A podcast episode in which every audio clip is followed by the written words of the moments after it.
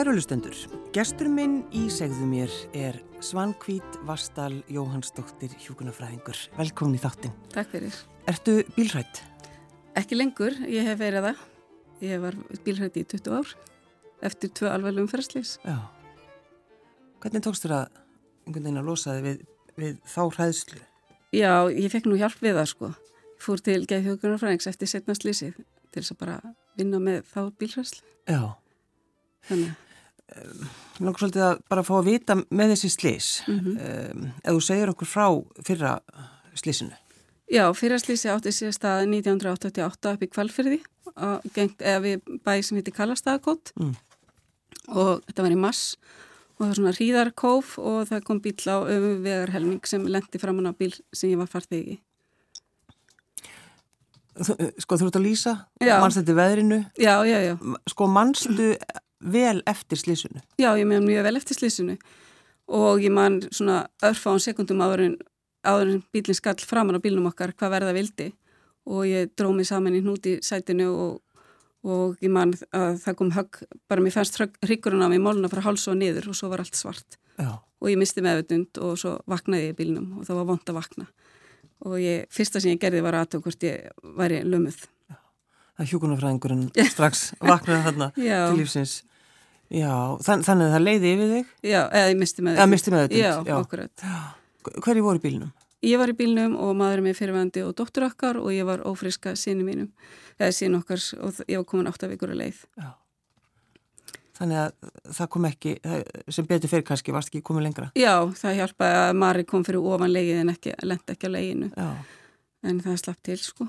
En bílinn, sko, það, ég er með mynd af bílnum Mhm. og hann er, hann er bara, hann er ónýtur. Já, já. Hann er bara einnig klessu og svolítið, þetta er náttúrulega frá, frá þessum tíma þannig að það voru gamlu númerinn, þetta með skínandi gott R-merki þannig. já, já. Um, en þegar maður les fréttir, það, það, það kemur oft í fréttum, Mhm. harður áraugstur varð, Já, uh, en lítil meðsl. akkurat. Sko, við vitum ekkert hvað það þýðir. Nei, við vitum ekki hvað það þýður og það er ekki takt að vita strax í upphafi eftir al- alvarlegan áraustur um hva, hver útkoma verður fyrir viðkondi þegar uppi staðið að því það eru alls konar áverkar sem ekki sjást og utan á fólki, það getur verið með brot eða mar eða, eða tognanir eða heilarhisting eða eitthvað sem ekki sést og svo er kannski fólk að berjast árum, árum saman eftir svona slís og þegar að vera útskrifa fólk til dæmis bara eftir skoðun á slísdeild eða sjúkrahúsi og það fyrir bara beint heim að þá er, það er ekki kerfi sem tekur við, það er enginn sem heldur auðvitað fólk eftir slís og hérna það er bara og það er verið að vann greina áverka eftir svona slís og vann skrá áverka. Og ég þekki að því að setna slísi það var gerist á árið 2007 og ég var hérna og kom frá kringlunni og ég keiri undir miklu breytin eins og ég sé farið Vesturbæin eða Vesturátt. Já. Og stoppaði á orkubensinstöðinni gengt kringlunni og þá lendir strætisvagn á bílnu mínu og hann var tólsinu þingri en bílinn sem ég var á. Og mér fannst og ég hérna vankaðast í þessu slísi ég, hérna og ég, úst, ég man ekkert hvað gerðist í þessu slísi vegna þess að það var bara eins og bílinn hefur verið tekin upp og kastað niður frumsko og eitthvað risa skrimsli var að milja bílinn og mér fannst þetta engan endi ætla að taka. Þannig að það var engin undirbúningur. Þú, Nei, það var engin undirbúningur en svo og mér fannst í raunin eftir slísi að það hefði verið eitthvað óæðlegt við aðstæðnar og það kom setna í ljós að orkubensinstöðin hafi sett hérna ólöglegt umfyrirskildi í vegakantinn sem var bara á starfi sendibíl og svo kom strætisvagn sem var helmörtu löfblöðum aðkantið niðurgötuna á flegi ferð og lengta bílnu mínu. Já. Eh, Þannig að ég man ekki neitt eftir aðdraganda af því slísi. En eh, í fyrrarslýsinu, hvað hva kom fyrir þig? Hvað kom fyrir mig? Já. Já, ég fekk til dæmis samfall á hryggjalið og rifbrot og mildisblæðingu og heilarhristing. Já. En ég náði þessi betur fyrir bara mjög góðum bata, það tók svolítið tíma og, og ég náði bara fyrir vinnufærni eftir þetta slís og var að vinna í 20 ár sem hjúgrunrækur. Já. Tangað ég lendi í setna slísinu. Og bara á örskumum tíma eftir það slís þá fór tilværan á kolf. Já, þú meina það. Já, gerði það. Og meðal annars að ég fekk bara mjög þungt höfuðhögg í þessu slísi og, og hérna og ég var, hafði bara mjög skert minni til að byrja, eða þú veist, já, ég bara fekk minniströflanar eftir þetta slís og þrejum veikum eftir slísi ákvæði bara að halda dagbók af því að ég myndi bara mjög lítið, ég myndi ekki hvað var að gera í gæri eða hvernig dagur byrjaði, hvernig hann endaði og ég veit að vera líka með verki og svavilla og allt þetta mm. og og ég ger mér enga, enga veginn grein fyrir því þá í byrjun hvað þetta yrði langt og stramt ferli sem var framöndan en ég var sko frá vinnumarka í sex ár eftir þetta slís og En þú sko, þú útsk, útskrifast úr setnarslísinu þú, þú bara varstu lögð inn? Eða? Nei, nei, nei, ég var bara tvo tíma á slísatildinni bara, er bara, þetta er allt í góðu bara gangið rópuslega vel. Já, það var sirka þannig sko. Já. en ég var mjög eh, vöngu þegar ég kom heim eftir slísi ég kastaði mig bara í stofasofan og svo sendi ég vinkonu mín SMS og láti henn að vita ég hef klessu kert bílin og, og ég var ótrúlega sárið í henn að því hún hafði ekkert samband fyrir henn eftir einhverja daga Já. og það kom bara í ljósi ég hef sendt eitthvað SMS á einhverju snýrstistóð út í bæ sko. Já, þú skildur ekki þessast vinkonu þú ættir Nei, það var einlega þannig sko en, hérna, en ég var að skrifa þessa dagbók í Já, í, í um það byrj sex ár mm. sem í gegnum allt mitt end, endurhengaferli og starfs endurhengaferli og þegar upp að staða voru sko á svona yfir þúsund blaðsjur. Og varst þá bara að skrifa hvernig þið leið? Já, bara hvernig mér leið, já, bara um tilfinningarnar um sorgina og vambriðin og líka bara batan og og hérna og bara líka gleðistundir í lífinu líka þú veist, það er bara allt sem gengur á En sko, en eftir eh, samkvæmt, eftir setna mm -hmm. setna árasturinn, hvenar sko, hvenar gerður þú grein fyrir því að þú bara gætur ekki unni lengur? Það, ég var að baksa í fimm mánu eftir slísið eftir fimm mánu þá var ég orðin óvinnufær það var, fyrst byrjaði að minka vinnuna og svo var reynd að vinna, þú veist, var ég að vinna bara, bara kveldvaktir ja. eða annan hvern dag eða vinna þrjáfjörðu daga og taka þrjáfjörðu daga kvild og ekkert að ég gekku. En var það þá bara eh, þessi þreita eða? Já, bæði verkir og þreita og aðalega það. Já. Já. Og... En sko, þegar maður fær sko höfuð áverka, mm -hmm. Þetta er náttúrulega alvarlegt mál. Já, já. Og fá heilarhýsting, mm -hmm. þú veist, maður, maður talar um þetta svona af léttu einhvern veginn, já ég fekk heilarhýsting en það er meirinn að segja það það er miklu meirinn að segja það hérna... en ef maður segir, þú veist já ég fekk heilarhýsting, já það getur mhm. ekki verið að því að þú dast ekki út eða eitthvað slíkt Já, ég minna, þegar ég lendi í þessu slísi 2007, þá var hérna bara mikil vannþekking á afleggingum höfðaverka og, og líka meðal heilbreyðstarfsfólks og þegar ég fór til dæmis á á hérna helsugjastlustöðuna þreim veikum eftir slísi og var að tala með um ég var um svakalega höfverk mm. og þá sagði læknin, mistur um öðutund ja. og ég sagði nei og þá sagði henni það var ekkert vist og það fengi heilarhristing en við erum sem betur fyrir komum svolítið lengra með þetta í dag en ég held að sé að vant en þá dalti upp á sko mm. og ég þurfti að fara til mis í minnistjálfun og allt hjá hérna, eða já, eftir slísið í nokkuð skipti Já, bara til þess að reyna einhvern veginn að já, bara læra. Leggja, já, því ég bara, þú veist, já, kennum við bara minnistækni. Já, einmitt. Og hérna... En það sem þú gerði líka, já. Uh, þú veist ekki bara með, skrifaði ekki bara dagbók og hendur eins og í skúfuna. Nei, nei. Þú skrifaði bók. Já, ég skrifaði bók. Harður skellur. Já. Áhrif alvarlegra umfæraslýsa á andlega, líkamlega, tilfinningarlega og félagslega heilsu. Já, akkurat. Af hverju gerur þetta? Já, ég var, var ekkert endilega að hugsa um það í byrjun sko.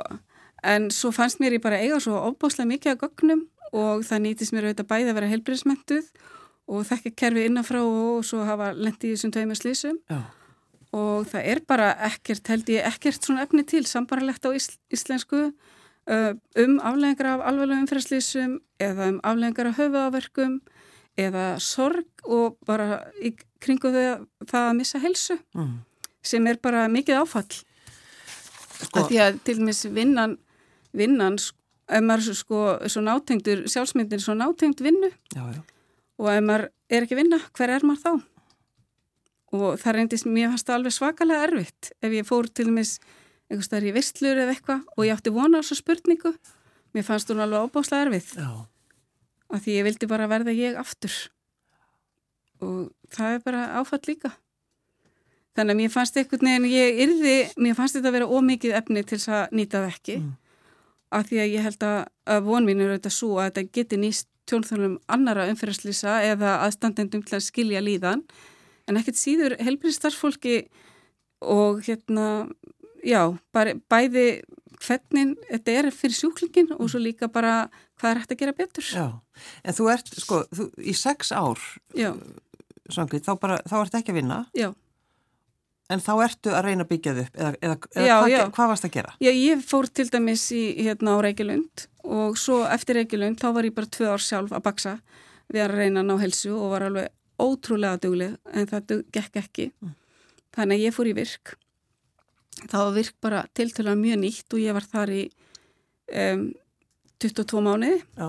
og var útskrifið þaðan að ég yrði ekki vinnufærum í. Það var svona cirka niðurstaðan. Já, það var niðurstaðan? Já, það var niðurstaðan.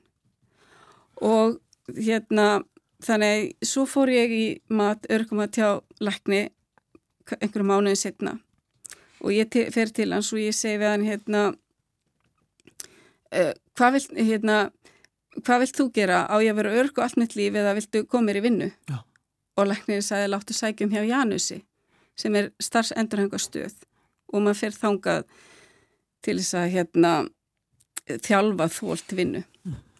og ég hérna og í öllu þessu á þessum sex árum þá far næstu helmingurinn í byð eftir þjónustu oh. það er bara þannig þannig að maður er að gera sitt besta en það er svakalega erfitt að vera í þessari byð og Og ég, þá kemur kannski líka deburðinn og, og Já, og ég fór sorg. samt aldrei þanga. Ég hafði alltaf vita á því að, að hérna, vera á einhverjum námskeiðum eða finna eitthvað sem var frítt sem ég gæti gert Já. eða reyna að vera inn um annaf fólk og ég til þess komst að ég voru frí námskeið á Rauðakrossinum og ég sótti námskeið þar og, og fór einhverja fríar göngutúra og þú veist, það ég held ég hafa bjargað mér að bæði halda rútinu og vera innan um annað fólk. Mm -hmm. Ég er ekki vissum ef ég ef ég ekki gert það, þá er ekki vist ég hefði náða fara aftur í vinnu. Nei. En þannig að, að, að Samkveld, þú færð þarna í Janus, er, er þetta ennþá til? Já, já, já. já þetta er sérst sko. endurhæfing... Já, þetta er starfsendurhæfingastöð. Já, já. endurhæfingastöð. Og þú tala við læknin og, og spyrð, þú veist hvað... Já, já, já, já. Og, og hann bað mig að fara til heimilisleiknins og sækja þar um og og það, það er svolítið breytt hvernig sko, þetta virkar í dag en allavega á þeim tíma var hægt að fara að senda beðinni þanga beint og ég beði einhverja mánu, tíu mánu eitthvað svolítið eftir að komast inn mm. og ég er þar að hluta til og síðan segi læknir þar að, að ég þurfa að fara í þraut í endurhæfingu að því að angurinu ég sem ég vefi ekkert eftir slísið og ég er fyrir hlutan á tímabilinu mínu í Janus er ég bara, þú veist, að þjálfa þólti vinnu og svo fer ég endurhöngi og þraut og það verður, hjá þessum báðum aðlega verður svolítið við, viðsnúningur í batanum mínum mm. að ég fer af almennileg verkelif þannig að ég kemst út úr þessum verkevítarring sem ég hafa búin að vera í, í næstu í sex ár og hérna og svo þegar ég kem tilbaka frá eftir þraut þá á setni hlutanum sem ég er í Janus þá þá er bara sett stefnan á vinnumarkaðin Já. og ráðgjaði minn þar, hún spyr til dæmis hva, hvað ég vilja gera í lokin hvort ég vildi fara í starfspröfu. Og ég segja ég vil fara í starfspröfu. Og hún segir farði heim og hugsaða málið. Og ég hugsa málið og svo segir ég bara já, mér langar ofsalega að vinna við starfsendurhæfingu. Ég held ég geti gert gagg þar. Mm. Já, því þú ert náttúrulega búin já, að vera í þessu Já, bæði allir. búin að vera í því og, og bara með minnir einslu og svona, þannig ég segi við hana hérna að mér langi að fara til virk í starfspröfu Já. og hún sagði bara við mig, ég trúði ekki að setja að byggja mig um þetta. Þú þeir sagði við og geti aldrei já, já, já, og ég, ég sagði bara jú, mér langar svolítið afsanna þessa niðurstöðu. Og ég var þar í þrjár vikur og fekk svo ráningu framhaldinu. Og ég er að vinna þar og búin að vera, vera að vinna þar frá því 2014 Já Þannig að ef maður kennst ekki framtíra meginn þá prófum maður baktirna. Það er svolítið þannig. En, en þú, þú í þessari bók þá er mitt ertum, það er kapli sem að þú kallar bjargráð. Já. Það er, uh, sko, það er svolítið gott. Það er eins og þú nefnir, það er náttúrulega þessi markmið. Já. Og þú varst alltaf, það var alltaf eitthvað hjá þér. Enda markmið var alltaf að komast í vinnu. Já en krókalegin var alveg, eða leiðin þanga var alveg svakalega löng. Mm. Það ég lendi á mörgum veggjum og fekk oft nei og svona. En ég hugsaði bara alltaf, ef þetta er ekki rétt nei fyrir mig, þá finn ég bara eitthvað aðra leið. Og, en það skiptir rosalega miklu máli að ætla sér eitthvað. Maður kemst svolítið langt þangað, sko. Já. Og og ég segi, það hjálpaði mér. En langaði að fara aftur að vinna á spítala? Nei, alls ekki. Ég, fyrstulega hef ég náttúrulega ekki bara heilsu í það, sko. Hvorki líkanlega en ég er bara úthald, en nei, ég sakna þess ekki. Ég veit ég get alveg gert, haf mikið gagn eitthvað annar staðar, sko. Já. En það er einmitt eitt kaplið það sem þú talar um, um sko að, að þetta vera sko sérfræðingur í eigin verkjum. Já. Hvað meinar það með því? Já, það er bara, sko, ég, var, ég er svolítið svona að lusna með því hugsun, held ég bara almennt. Já. Og ég, hérna, og maður þarf einhvern veginn að, að finna út úr og það var einn bók sem ég lasa på Reykjalendi sem heitir Managing Chronic Pain og hún gagnast mér rosalega mikið og þá var verið að tala um sko að, að mænan veri svona eins og hlið sem annarkvært hlifti verk, verkjum upp verkefbjóðum upp eða það var hægt að loka hliðinu og maður hefði svona aðferði til þess að svolítið stýra verkjónu sjálfur sko mm. til þess að reyna að vera bara veist, ekki vera með ómgil aðtikla verki og reyna að vera að slaka á og, og gera það sem maður getur sjálfur til að draga úr verkjum og ég var mjög duglega að reyna að finna leiðir sem að nýttust mér og ég var ofta að reyna bara að semja við verkina Já. og reyna að telja um trúum að þeir veru rosalega áhugaverðir þó með þetta ekki Þú segir einmitt hérna sko hugsanlindin verða gjarnan eitthvað þess að leið ég fæ aldrei frið, já. þú eðilegu líf mitt já, já. ég óttast þig, já. ég ræði ekki við þetta þú ert að drepa mig Það er sirka þannig, ef maður er á neikvæða, neikvæða pólunum, en maður getur svolítið reynd að snúa þig líka við og hugsa þú veist, þú, ég ræð við þig eða þú ert ekki einn slæmur og ég held og þetta gengur yfir og allt það og ég var svolítið að reyna að vera þar já, já. Og veist, og líka sko held ég í sambandi við svona að það skiptir svo miklu máli að hafa þessa, þegar maður er í svona baksi að hafa einhverja skráningu vegna þess að ef maður hefur ekki neina skráningu þá veit maður ekki hvað þú veist, eins og ég hérna, til dæmis að því ég var svo opbáslega kljást við mikið orkuleysi og ég vissi ekki hvernig ég ætti að handla svona mikið orkuleysi. Og svo dætt mér einhvern veginn í huga setja bara orkun í Excel og í staði fyrir að hugsa í staði fyrir að hugsa um, hugsa um hvað, hversu þreytti væri þá hugsa ég bara hvernig líður mér í prósentum í dag. Og ég hugsaði bara ef ég verið með fulla getu og fulla vinu getu og þá hefði ég 200% orku yfir daginn. Já. en ég var oft bara með 30% orku með þessu 200 og svo skrifaði ég hvað ég var að gera. Og þá náði ég svolítið samhenginu hvað ég var að gera góðan dögum sem setti mig í erfiðari líðin veist, á eftir. Og það var ímislegt, það til dæmis bara læknisimsóknir eða sjúkraþjálfun eða ammaliðsbóð eða utansferðir þá, þá, þá, þá komið dífinnar þá komið dífinnar og þegar ég náð svona samhengi hlutina þá þá hérna fór það líka að bera árangur. Hefur samkvæmt alltaf verið svona skipulögð?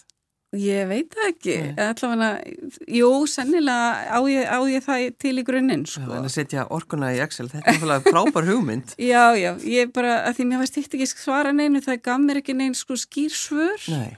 en ég gæti svolítið miða við þessu 200% og, og, og það, þegar ég varst var, var ég bara með fjórðunga þeirra orku sem ég hafði fyrir slísið, sko. En þessi, sko, þessi skilningur uh, fólksins í kringum þig, já. þú veist, uh, skiljum við þann sem að er svona orkulegs og getur ekki unnið? Nei, ég held ekki. Það er bara, það er auðvitað rúslega erfitt, eða, veist, og sérstaklega að það sést ekki neitt utan á fólki.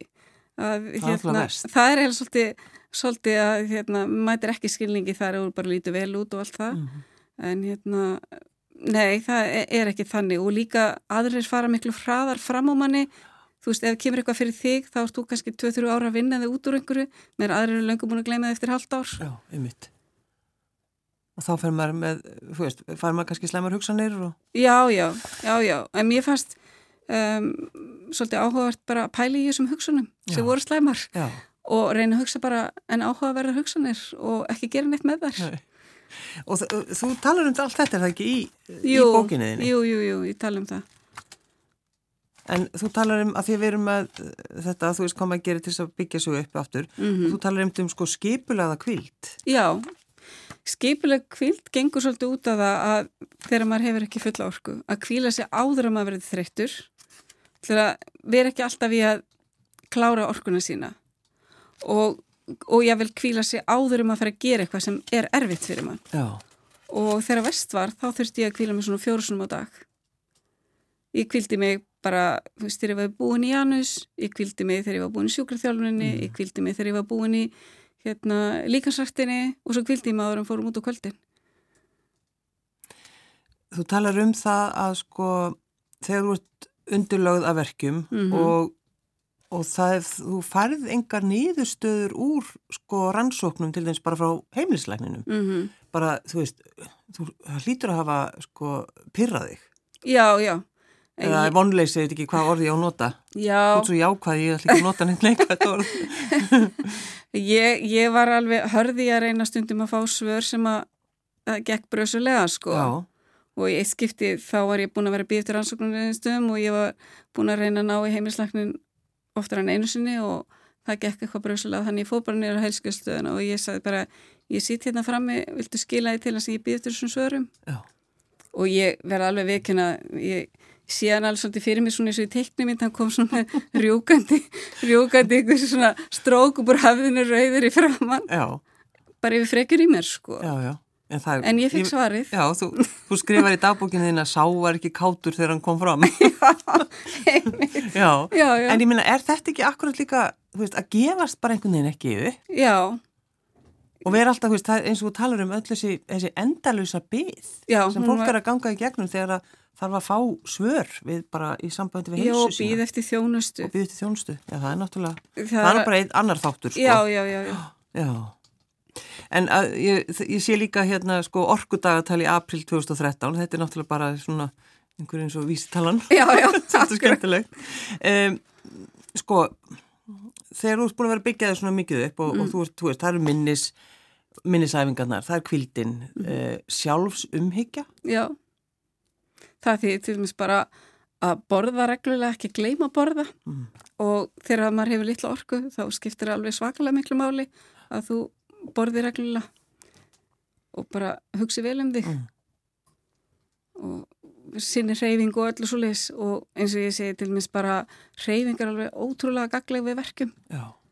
og hérna ég, þú veist, ég var oft slæm hérna, og ég var aldrei verra eftir að ég kom inn aftur og mér fannst auðveldur að berjast veðri heldur en hugsaðunar Já, ég veit En þegar að, já, sko bakslag í mm -hmm. kannski þessum bata Já. þú veist, það, þú lítur að hafa upplifað það ein, einhver tíman, er það ekki? Margoft, margoft. Og það er, það veldur svolítið sárum tilfinningum að lenda í bakslægi að því maður fer svolítið svona í hörmungar hugsanir já, já. og finnst einhvern veginn allt sem hefur lagt á sig vera til einskis. En svo getur maður líka reynda veist, hugsa eftir á hvað lærði ég á þessu bakslægi mm. og getur það komið lengra næst en ég lendi margóft og ég vil ég alvarlega á bakslegum og sérstaklega eftir utalansferðir. Þær voru reyndist með mjög erfiðar að því að þegar maður er svona eins og þess eftir höfuhög þá eru svo mikið að yfirþyrmandi áreitum í kringum flug, flugstöðabyggingar og hljóð og lætin, lætin og, og ljós og, og svo bara tímalengt í, í ferðalagi og alvarlegasta bakslæði sem ég fekk var einmitt eftir svona utalansferð og ég var viku á sjúkrás að jafna mig eða Ég var reynda fjóra mánu að jafna mig eftir þetta bakslag en ég endaði vika á sjúkrósi. Og ferðu þá til dæmis ekki til útlanda núna? Jú, jú, jú. jú, jú. Þetta en var bara þegar... Já, já, já, þegar ég var sem vest. En líka sko, ég bara vel betur í dag. Já. Hvað, hvað, hérna, hvað ég vil leggja á mig mm. og vanda mig bara betur. Já. En að viðu kenna vannmátsinn? Já. Maður þarf að geta gert það. Það, það getur verið ansi erfitt en það er kannski hjálpað manni lengra heldur en að gera það ekki. Já. Og ég segi til mér eins og þegar ég fór í Janus að það var alveg ótrúlega erfitt að fara þar og einhvern veginn hafa sko mistökinn á lífinu og geta ekki bergst sjálfur og þurfa stuðning og ég, þú veist, ég vissi það að ég var, ég var örgulega eldst, ég var sennilega með mestu mentununa og ég hef ekki getað bergað mig sjálf. Þú segir hérna sko, er ég svona mikill aumingi að geta ekki gert hlutina einn? Já. Ég með mína mentun og alla mína starfseinslu samt finn ég ekki út úr hlutunum, hvorki heilsuminni nýja vinnu. Já. Já. En þetta var, þetta slísi var á reynda mjög óheflugum tíma af því það gemur hrun á eftir. Já, já, Þannig að það var nógu erfitt fyrir heilbriðt fólk að fá vinnu hvað þá einhverju sem voru að berjast við heilsuleysi. Já, já. Þannig að það var ekki alveg heldur að hjálpa mér sko. Nei, nei, nákvæmlega. Og svo náttúrulega þessi, eins og þessi, þessar hugsanir þínar, sko, og svo kemur kannski einhver svona skömm. Já, já, það er það. Já. En þetta er bara eðla tilfinningar í svona erfiðu ferli, það er ekkert öðruvísi. Vi, við höfum alveg mikið að slæmja tilfinningum eins og góðum, það er spurning hvern, hvort við kjósum að hlusta mikið á þær, sko. En nöðsöld að virða þær, þær eru til staðar. Ertu ofta svona draga djúft andan, taka svona hugleisluna? Ekki eins mikið eins og ég gerði þegar ég var að reyna að vinna mig en ég nota það og ég nota þessi tækni mm. ég, hérna, já, ég lærði þegar ég hérna, í hveragerði ég fór í starfspröfu þar líka á vegum virk já. og þá lærði ég svona svolítið sjálfstáleðslu og já. hún nýttist mér, já, það er eiginlega bara svona djúb slökun, skilur, þannig ég get eiginlega kvilt mig hvar og hvena sem er við hvaða aðstæða sem er mm og það hjálpa mér oft í svona að ná að borga aftur. Já, akkurat. Og svo er náttúrulega kannski þetta á, á þessum tíma sem þú ert eh, svangvít eh, í þessari vinnu allir að alltaf vera að segja manni, þú veist, sklu vera bara í núinu mm -hmm. og hérna það er mjög uh, góður staður að vera á. Já. En uh, vinkonaðinn, hún var ekki alveg samlað því. Nei. Hún segir hérna, ég er alltaf að reyna að vera í núinu en, nú, en núið er bara svo hundleðilegt. að vera til staðar hér og nú krefst einbeitrar aðtökli Já, það gerir það. Já. og þegar maður, lend, þegar maður lendir í svona lendir í svona hremmingum þá er hugsanðar svolítið mikið tilbaka eða mikið fram á við. Og þú þarft að hafa fyrir því að vera í núinu. Já, að, að því þú ert alltaf að býða eftir einhverju Já, eða, eða eða, eða bara eins og til og meins bara kvíði. Hann, hann, þeir eru út að baksa kvíða því einhver, ó, einhver óvissað framöndan mm þá eru hugurinn svo langt fram í tíman og ég hugurinn hjá mér að hann gæti alveg hlipið nokkra áratífi fram í tíman en oftast var hann bara svona tvær viku fram í tíman Já. en ég, þú veist, hvíði þá er maður svolítið í framtíðinni sko, af því að maður veit ekki hvað er framöndan og hérna Erstu hissaður að hafa skrifað þessa bók? Já og nei, eiginlega um, þetta er bara svona partur af minni þraut segju sko, ég hérna um, var svolítið með hann í bakkvæðinu Já en hún, ég tók mér næst í áratúð að gera þessa bók uh, ég tók svona skorpur og svo læði ég og þegar ég átti góð tímabili og svo læði ég hana til liðar og svo tök ég bara aftur upp handriti og held áfram mm. og svo fór ég hérna að ég vissi ekki hvort að vera í viti í þessu þannig ég fór að hitti Börgu Átnardóttur hjá stílvöfninu og baða hana lesa fyrir mig handreitið og hún gaf mér svo svakalega, ég átti nú alveg vona harðir gaggrinni en það, hún sagði bara bókin er einstök og mikilvæg. Já. og þá þessi bara það er ekkert aftur snúið, ég ætla bara að klára þessa bók. Og það, það restin tók ekkert svakalega tíma. Þegar þú vissir að þú varst með eitthvað gott. Já, Já. ég held það. Og ég er búin að heyri nokkru sem hafa lesið bókina og ég bara og, og það fer eftir sko til hvort að fagaðli eða einhver sem hef, er að kljást við helsufarsvandamál, mm. fólk tekur bara olga hluti til sín en fólk er, eða, bara hefur ánægt með bókinu, finnst hún velskrifu auðleysanleg og svona, jável skemmtileg þó hún sé ekkert með skemmtileg Nei, bara alls ekkert skemmtileg Já, því það er alveg humor í henni sko. Já, já Hvaðan er Varstal, Svangveit? Verða að spyrja þú út í það? Já, um, uppur eða sá sem tók upp nafni hitt Páll Varstal og var langaða minn en hann var fættur á reyðavatn á Rángavöllum og hérna og síðan flytur hann þaðan, flytur hann á vestfyrði og frá vestfyrðum fyrir hann til Akureyrar og þetta var mjög merkilega maður sko, hann var uh, skósmjörur afvirki og einna stopnendur leikfélags Akureyrar. Já. og hérna og ég tók bara upp þetta nafn fyrir fimm ára síðan, amma mín hétti svo nafni og mamma mín hétti svo nafni líka og mér er alltaf þútt vantuð það og alltaf fyllt mér og hérna og ég fór að kanna hvaða nafni kæmi uppruna, uppruna á nafninu þegar ég ákvaði að taka þau Já. og þá uh, sagði einhver kona fyrir, á Kristóf fyrir Norðan ekki, og hún, þá sagði, taldi hún að þetta, kom, þetta nafn komi frá Vastal sem er á milli hérna Rángavalla og Fljóslíðar þar er Vastalur Það er líka Vastalur? Já, já. ekki bara Nei, já, já, já Já, af því að hún taldi að hann hafi tekið það upp úr sinni heima byggð og ég bara ákvaði að heita þessu nafni. Þetta er, þetta er skemmtilegt. Já. Vastal. Já. Já. En það voru sko á einhverju tímabili, ég man ekki hvað þetta var fyrir norðan, þá voru svona svolítið af svona einaðmönnum eitthvað sem voru að taka upp íslensk ættanöfn til höfus þessum dansku. Já. Þetta er einhver partur af því, þannig, sko. já, Já, það var eitthvað svolítið. Já, menn, af hverju ekki? Já, já, En, eh, sko, því þú, nú, nú ert að vinna hjá virk. já. Hvað ert að gera þar? Ég er til dæmis bara að lesa beðnir Já. og já, fara yfir beðnir og skrifa bref til lækna og fleira í þeim dúr. Þannig að, sko, fólk þarf kannski ekki að, að þú, veist, þú skilur, Ég skil. þú skilur fólkið Já, sem já. er að senda þessi Já, bref. já. Ég, já, ég skil það. En já, ég verið að gera fleira en þetta er svona aðalverkefni mitt í dag. Já. Að hérna, já. Horfur eitthvað fram í tíman, ætlar að vera þarna eða ertu, ertu farin að hugsa um eitthvað annað? Nei, ég er að ekkert skrifa farin aðra bók? Ég veit nú ekkert um það, sko. En ég, hérna, nei, ég er svo sem ekki minn einn sérstök plön í framtíðinni, sko. Nei. Ekki augnablíkinu. Nei. En er heilsa þín, er þetta sko, er þetta komið hjá þér? Ég er ekki komið, ég meina, það, ef maður segir sko betra heilt en vel gróið, það er sirka þannig. Já. En hérna, uh, ég er auðvitað með betri helsu á margan hátt heldur en ég nokkuð tíma var þarna eftir slísið og ég kann auðvitað betra á sjálfa mig í dag sem er líka líkillin að þessu. En hérna, ég hef ekki fulla starfsketu en hérna, en svo spurning hvað er helsa og það er hægt að, þú veist, með, með svona gamla skilgrinningar þá áttur að hafa fullkomina helsu en það er bara ekki til sem heitir fullkomin helsa. Já, fullkomin heilsa.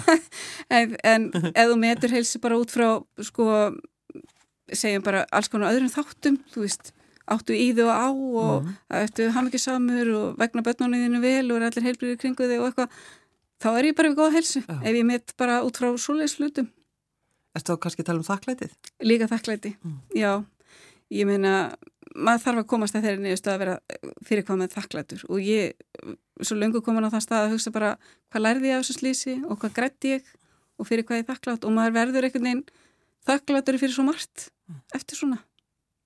Ertu stundum ennþá eftir allan tíma að endur upplifa þessa áreistra tó? Nei, ég gerði, ég fekk engar endur upplefanir eftir setnaslýsið að því ég bara hef enga minningar Nei. en ég verð með endur upplefanir svolítið langan tíma eftir fyrraslýsið Já.